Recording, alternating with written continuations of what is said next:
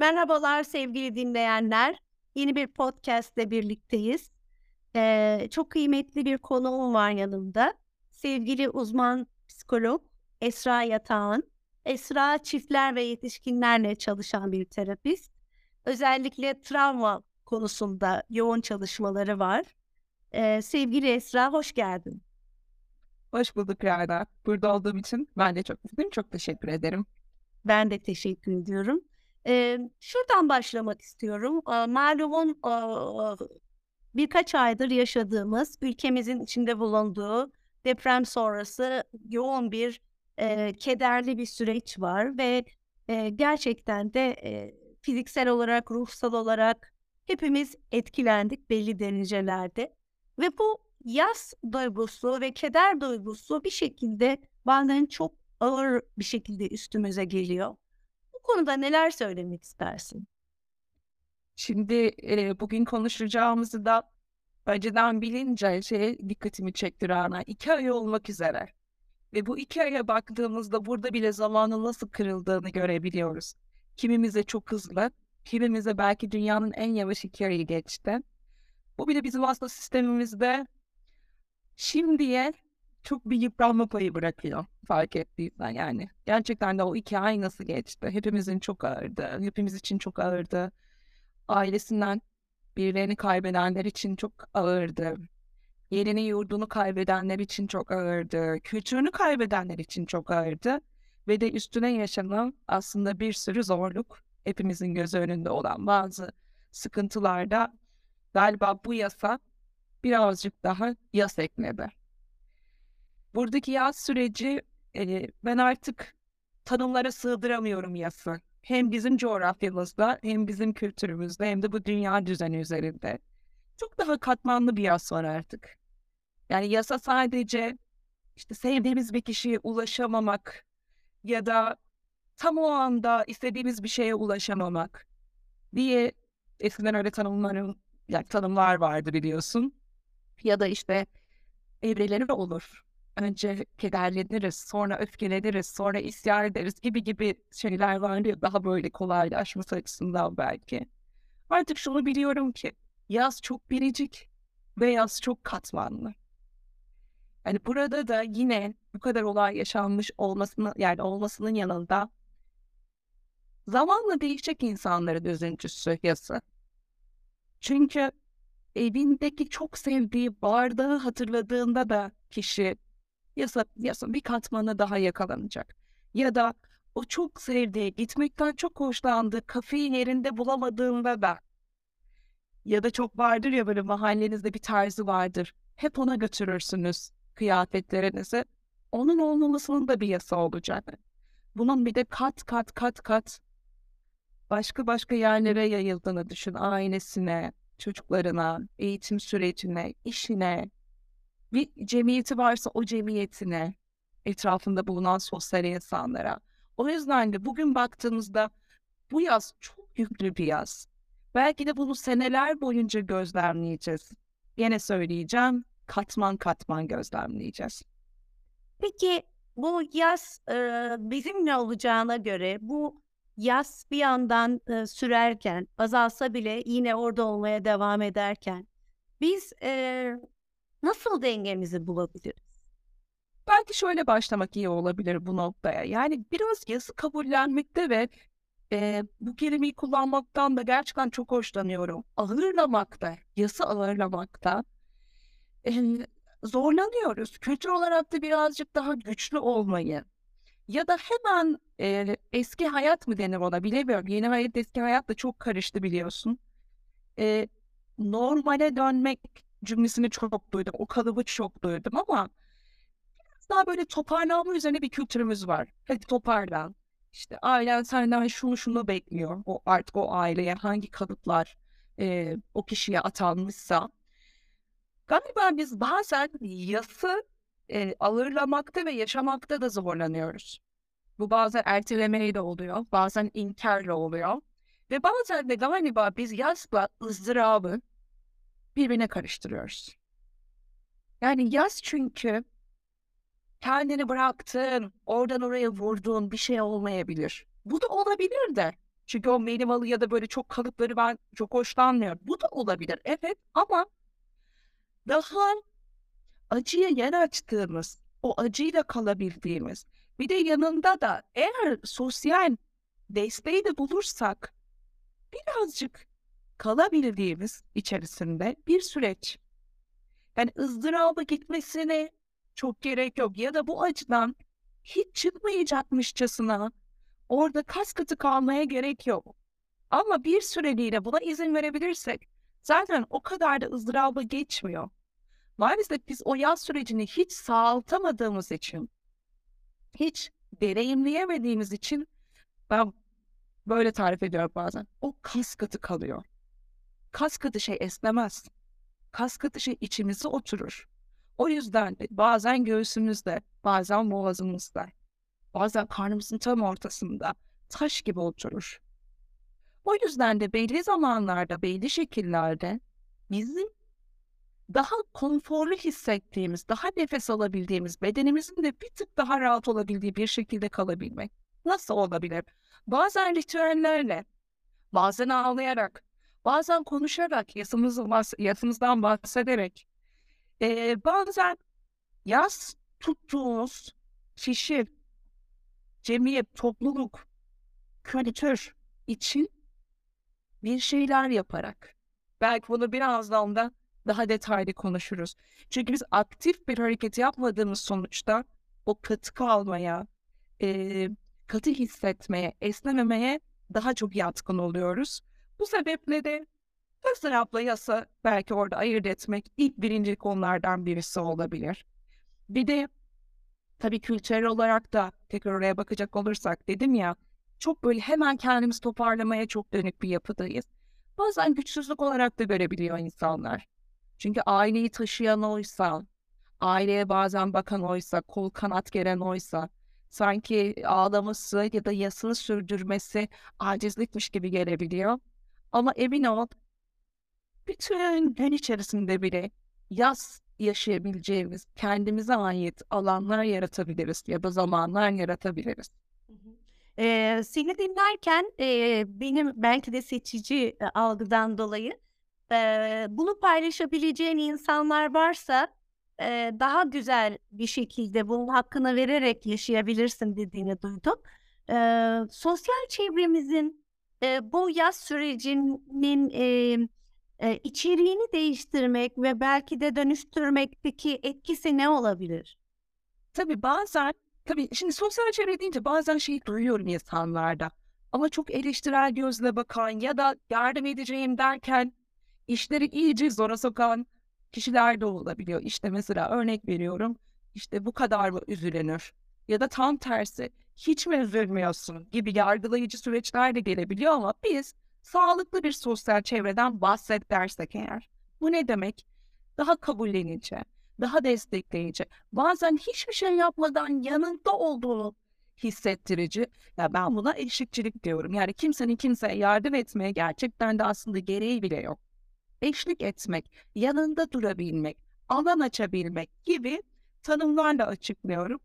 Şimdi tabii sosyal destek en kıymetli olanlardan bir tanesi. O gün e, böyle bir arabayla giderken arabadan garip bir ses geldi. Herkes birbirine baktı. Şimdi sesi veren motor aslında yani bizler değiliz. Ama ben şunu bilmek istiyorum. Siz de duydunuz mu diye çek etmek istiyorum yani. Yani çünkü hayatta kalmak istiyorum ben. Hani motorluk hususunda da devam edelim istiyorum ya. Bence sizler de fark ettiniz mi diye çek ediyorum göz temasıyla. Sonra yani kötü bir şey yoktur değil mi? Beni rahatlatın. Yani o gözler çünkü eğer böyle fal taşı gibi açılmışsa ona göre kaygılanacağım sakin devam ediyorlarsa ona göre kaygılanacağım. Sonra zaten şöyle sorular oluyor. Ne olmuş olabilir? Dursak mı? Kenara mı çeksek? Nasıl baksak diye. Bu da sosyal aslında etkileşimi çok güzel gösteren örneklerden bir tanesi. Şimdi deprem yaşayan insanlarda sürece baktığımızda ilk iyileşmeye dair, iyileşme demiyorum, iyileşmeye dair örüntüleri çadır kentlerde görmeye başlıyoruz ya da şimdi prefabrik ya da çelikten yapılan o yeni aslında e, daha korunaklı alanlar diyelim. Sadece çadır kentler yok artık. Orada görmeye başlıyoruz. Neden? Çünkü rutinleri oluşmaya başlıyor. Yine sabah kalkacak. Yine kahvaltı yapacak. Yine çocuklarına acaba bugün ne oynatsak? Ya da işte hangi dersi çalıştırsak? Ortak bir alanda ne yapabiliriz duygusunu tekrar yaşamaya başlayacak. Öğle yemeğini düşünecek, akşam yemeğini düşünecek. Akşam acaba film, bazıları film izletiyorlar çocuklarına mesela ortak alanda. Ya da bir çay demleniyor büyük ihtimal. Yani insan olmaya dair çok küçük adımlar. Hatta işe dönmediler. Örnek veriyorum belki hayatlarına daha devam edebildikleri kimlikleri çok az. Ama günlük rutinlerine dönme işaretleri bile dediğim gibi daha sağlıklı bir geçişe sebep oluyor. Çünkü orada artık ortaklık var. Çünkü orada gelecek biri diyecek ki ya Esra işte yarın şunu yapacağız sende şu var mı? Yana yarın şöyle yapmayı düşünüyoruz sen de katılır mısın? Buradaki sosyal etkileşime ihtiyaç duyulma hali, iyi anlamda ihtiyaç duyulma hali hayata yeniden döndüğümüzün işaretlerinden bir tanesi.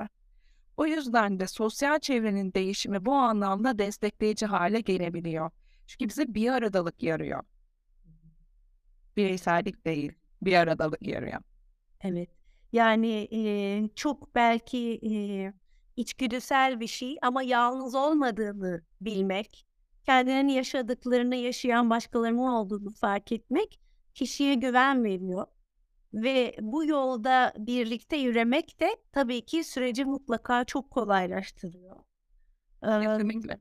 Evet, eee, bu süreç aşılırken benim gözlemlediğim tabii çok çok büyük bir eee, aynı zamanda fiziksel eee, binaların çökmesiyle gelen bir felaket olduğu için ve hani bir daha böyle şeylerin olması bu ülkede hiçbirimizin dileği olmadığı için hani bir şekilde ben biz bunları unutmayacağız. Aklımızda tutacağız ve bir daha işte kanunların, eee, mevzuatın doğru şekilde geçmesi için uğraşacağız gibi bir yandan güzel bir, eee, hedef var ama burada da diğer diğer taraftan da unutmaktan korkmak var. Yani unutursak acaba bu önlemleri almaz mıyız, unutur muyuz, tekrardan bir 20 yıl sonra benzer olaylar olur mu gibi bir ikili bir duygu ve korku silsilesi var.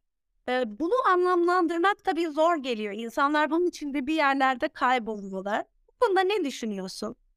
Yani çok haklı bir süreçte tabii çok büyük bir öfke çıktı herkesten. Tabii bu öfkenin altında çaresizlik var, hayal kırıklığı var. Zaten aslında bildiğimiz hikayelerin tekrar tekrar yaşanması var.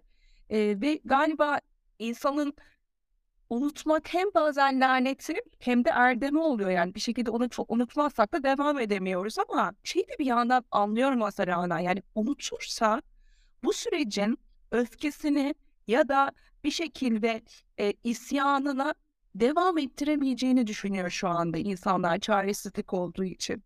O yüzden de şeyi sormak çok önemli. Yani unutursa gerçekten içsel olarak ne olur? Aslında orada evet öfkemi çıkartamam diyor da unutursa acaba da o da mı unutulacağını düşünüyor. Böyle bir yerden bakılabilir. Zaten unutmak çok mümkün mü? Ondan emin değilim. Oradaki aslında sembolik bir korku unutmaya dair. Aslında belki de istediği ya yine olur mu?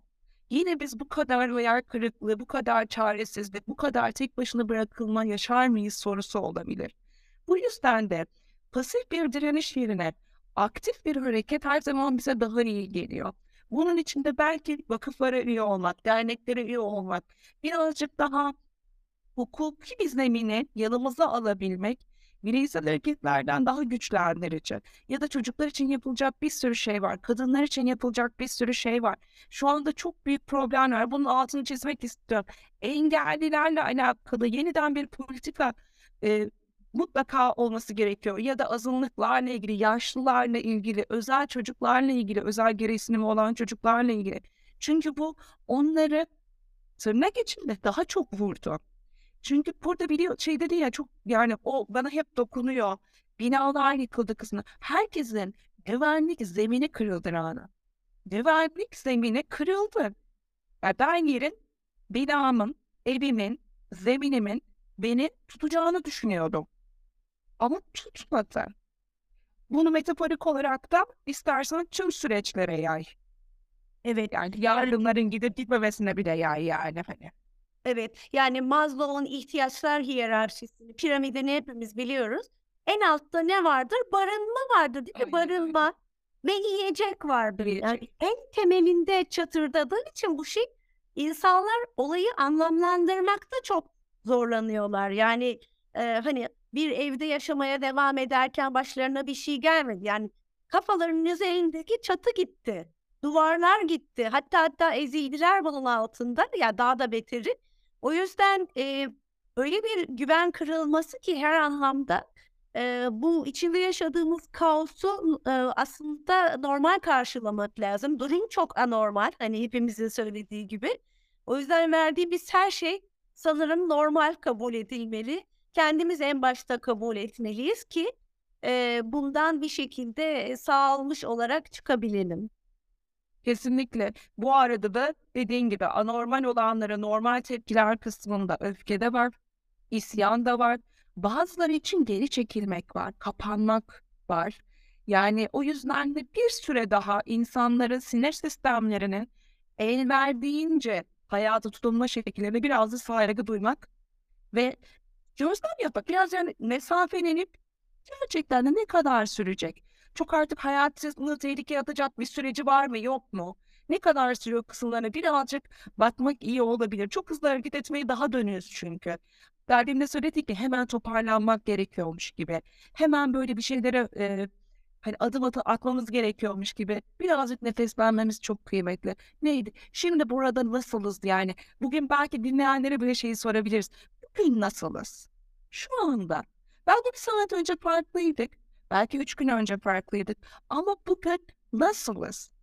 Ve de iyi ya da kötü diyorsak, bir de çalışmada olsam, bunu nasıl hissediyoruz?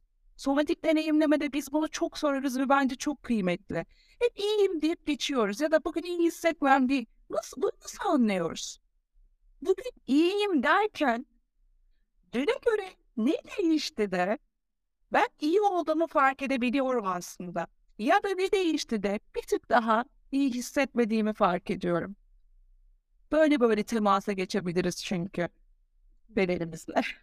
Esra biliyorum sen somatik deneyimleme üzerine çalışan birisisin ve eee, danışanlarınla e, böyle çalışmalar yapıyorsun.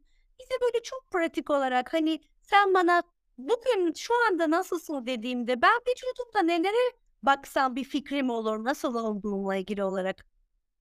Yani en basitinden hani herkesin uygulayabileceği süreçlerden bir tanesi aslında eğer çok zor bir zamanımızsa mesela o gün sırt ağrısıyla kalktık. Belki o gün bir boyun ağrısı. Mesela şu anda çok fazla çene sıkması var herkeste.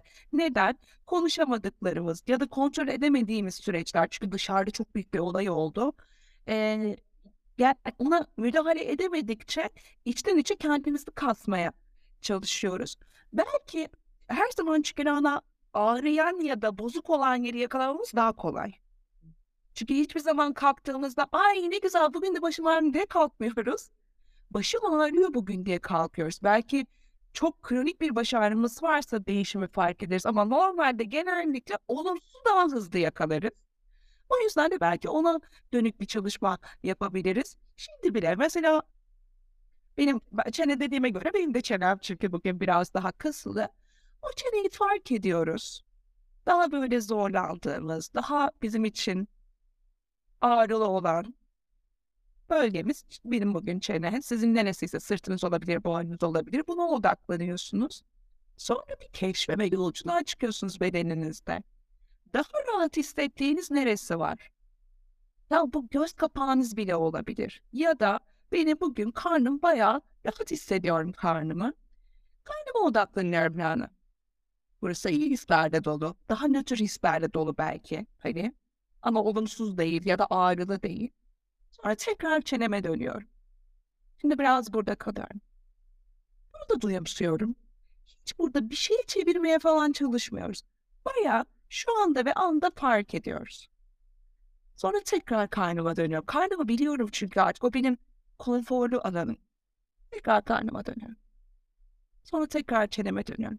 Bu çalışmayı bir oraya, bir oraya, bir oraya, bir oraya yapmaya devam ediyoruz bir süreliğine. Sorabilirler. E ne olacak? Bence deneyimleyin. Ne olacağını görün. Çünkü beyinde şöyle bir durum var. Beyin olumsuzu yakaladığı anda sinir sistemi özellikle bir canı orada atar derler bizim orada. Yani tamamen çeneye, baş ağrımıza, diş ağrımıza, boyun ağrımıza odaklandığı için ona yeni bir konforlu alan vermek bütün duyumların daha yayılmasına sebep oluyor aslında.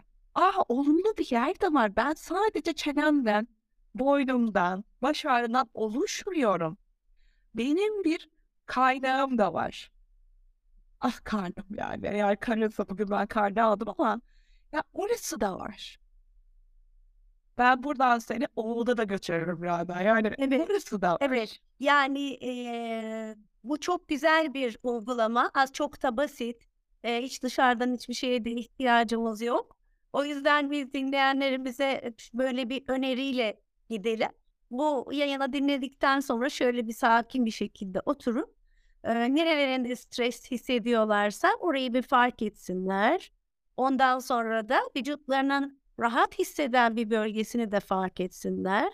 Bir oraya bir buraya şöyle gidip eee, kendilerini dengeleme yolunda küçük bir adım atmış olacaklar. Çok teşekkürler Esra. Çok Ben teşekkür ederim. Ben teşekkür ederim. Evet, eee yastan geldik. Eee, unutmaya gittik.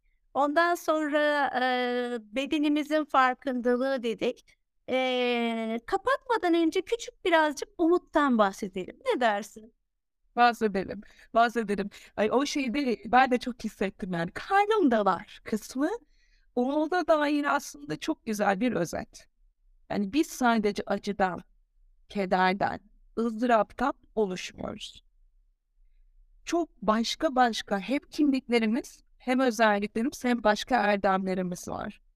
Bir de şunu da kabul etmek gerekiyor Rana. Ben bu ölümden ibaret değilim. Bugün çok kıymetli. Bu an, şu an inanılmaz kıymetli ama bundan ibaret değilim. Öncem de vardı, sonram da var. Ve bu yüzden de bir adım atar, atarken ya da bir adım atacakken şeyi unutmamam gerekiyor.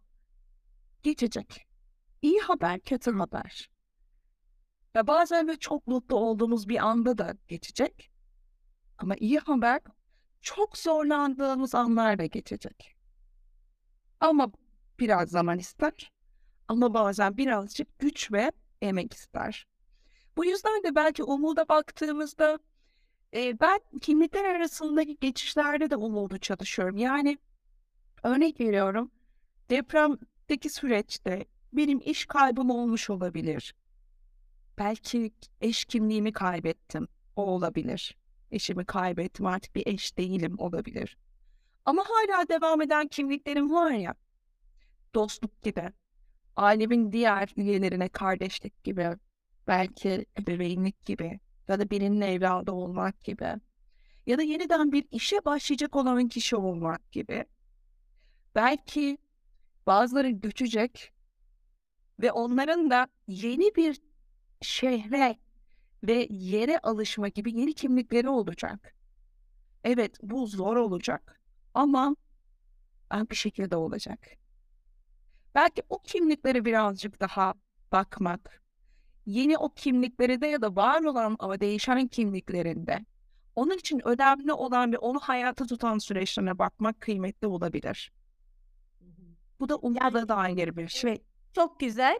Bu burada yine demin biraz evvel konuştuğumuz ağrıyan bedenimizin ağrıyan yeri ile rahat hisseden yeri arasındaki denge gibi kaybettiklerimizle elimizde var olanlar arasındaki dengeyi hep hatırlamak. Eee, özellikle var olandan yani elimizde anın içinde var olandan eee, keyif almak, ondan güç almak sanırım bizim umut yolculuğumuzda en büyük desteklerimiz olacak. Ve zaman vermek galiba. Yani hani herkesin zamanı çok farklı. Mesela şeyi duyduğumda gerçekten de e, hayranlık da duyuyorum bir anlamda. Kendi çadır kentinde ya da işte artık onlara verilen yeni e, yerleşim alanlarında hemen aktif olarak rol eden insanlar var. işte oranın koordinasyonunu e, işte sağlamak için, çocukları belki toparlamak için ya da işte kadınların hijyenik ürünlere ulaşımını sağlamak ve onun e, dağıtımını yapmak için hemen gönüllü olarak başlayanlar var. Duygusal esnekliklerini de gösteriyor bize. Uyumlanma çabalarını da gösteriyor. Ama bu şu demek değil. Onu da işte yanlış anlaşılmasını bazen çok dikkat ediyorum. Anlaşılmasını istemiyorum. Bir kişi hemen alana girmek zorunda değil. Sahaya inmek zorunda değil. Hemen yeni hayatına dönmek durumunda değil. Ama küçücük de olsa bir yerden başlamak kıymetli olabilir. Ee, şeyi çok gördük. Deprem bölgesinden gelen e, göçen insanlarda misafir oldukları evde özellikle kadınların yemek yapmaya başladıklarını, içli köfte yapmaya başladıklarını, yeni salçalıklar yapmaya başladıklarını gördük. Bu resmen bir umut metaforu yani inanılmaz. Çünkü aslında herhalde onun altında gelecek var. Ya buzluğa koyduğum içli köftede gelecek var. Salçada gelecek var. Ya da yaptıkları turşularda gelecek var. Öteki sezonu görmek istiyor. Çok çok güzel bir çok güzel bir metafor. Çünkü o kişi belki birçok şeyini kaybetti ama onun içinde devam eden bir enerji kaynağı var. O da eee, bu yaptığı yemeklerle, ürettiği ürünlerle kendisine de tekrar göstermiş oluyor ki aslında o bitmedi. O hala yaşıyor ve içindeki hayat devam ediyor. Kesinlikle, kesinlikle. Esracığım, eee, çok çok güzel bir sohbet oldu. Iıı, gerçekten bize, eee, çok güzel şeyler hatırlattın. Yöntemlerimi yöntemleri fark ettirdin. İnşallah, başka bir podcast'te de seni tekrar ağırlamak istiyorum. Bundan sonraki süreçte neler, eee, yaşayacağız onu konuşuruz. Çok teşekkür ederim geldiğin, konuk olduğun için. Yani asıl ben çok teşekkür ederim. Umarım birilerine küçücük de olsa dokunabiliriz. Çünkü birlikte ben dedim ya bir aradılığın gücüne çok inanıyorum diye. Birlikte o umuda dair her şey yeşerecek. Çok teşekkür ederim tekrar. Sağ olasın. Sevgili dinleyenler, çok hem yararlı hem keyifli bir bölümün daha sonuna geldik. Eee, umarım siz de yararlanırsınız ve sevdiklerinizle de paylaşırsınız. Sevgiyle kalın, anda kalın.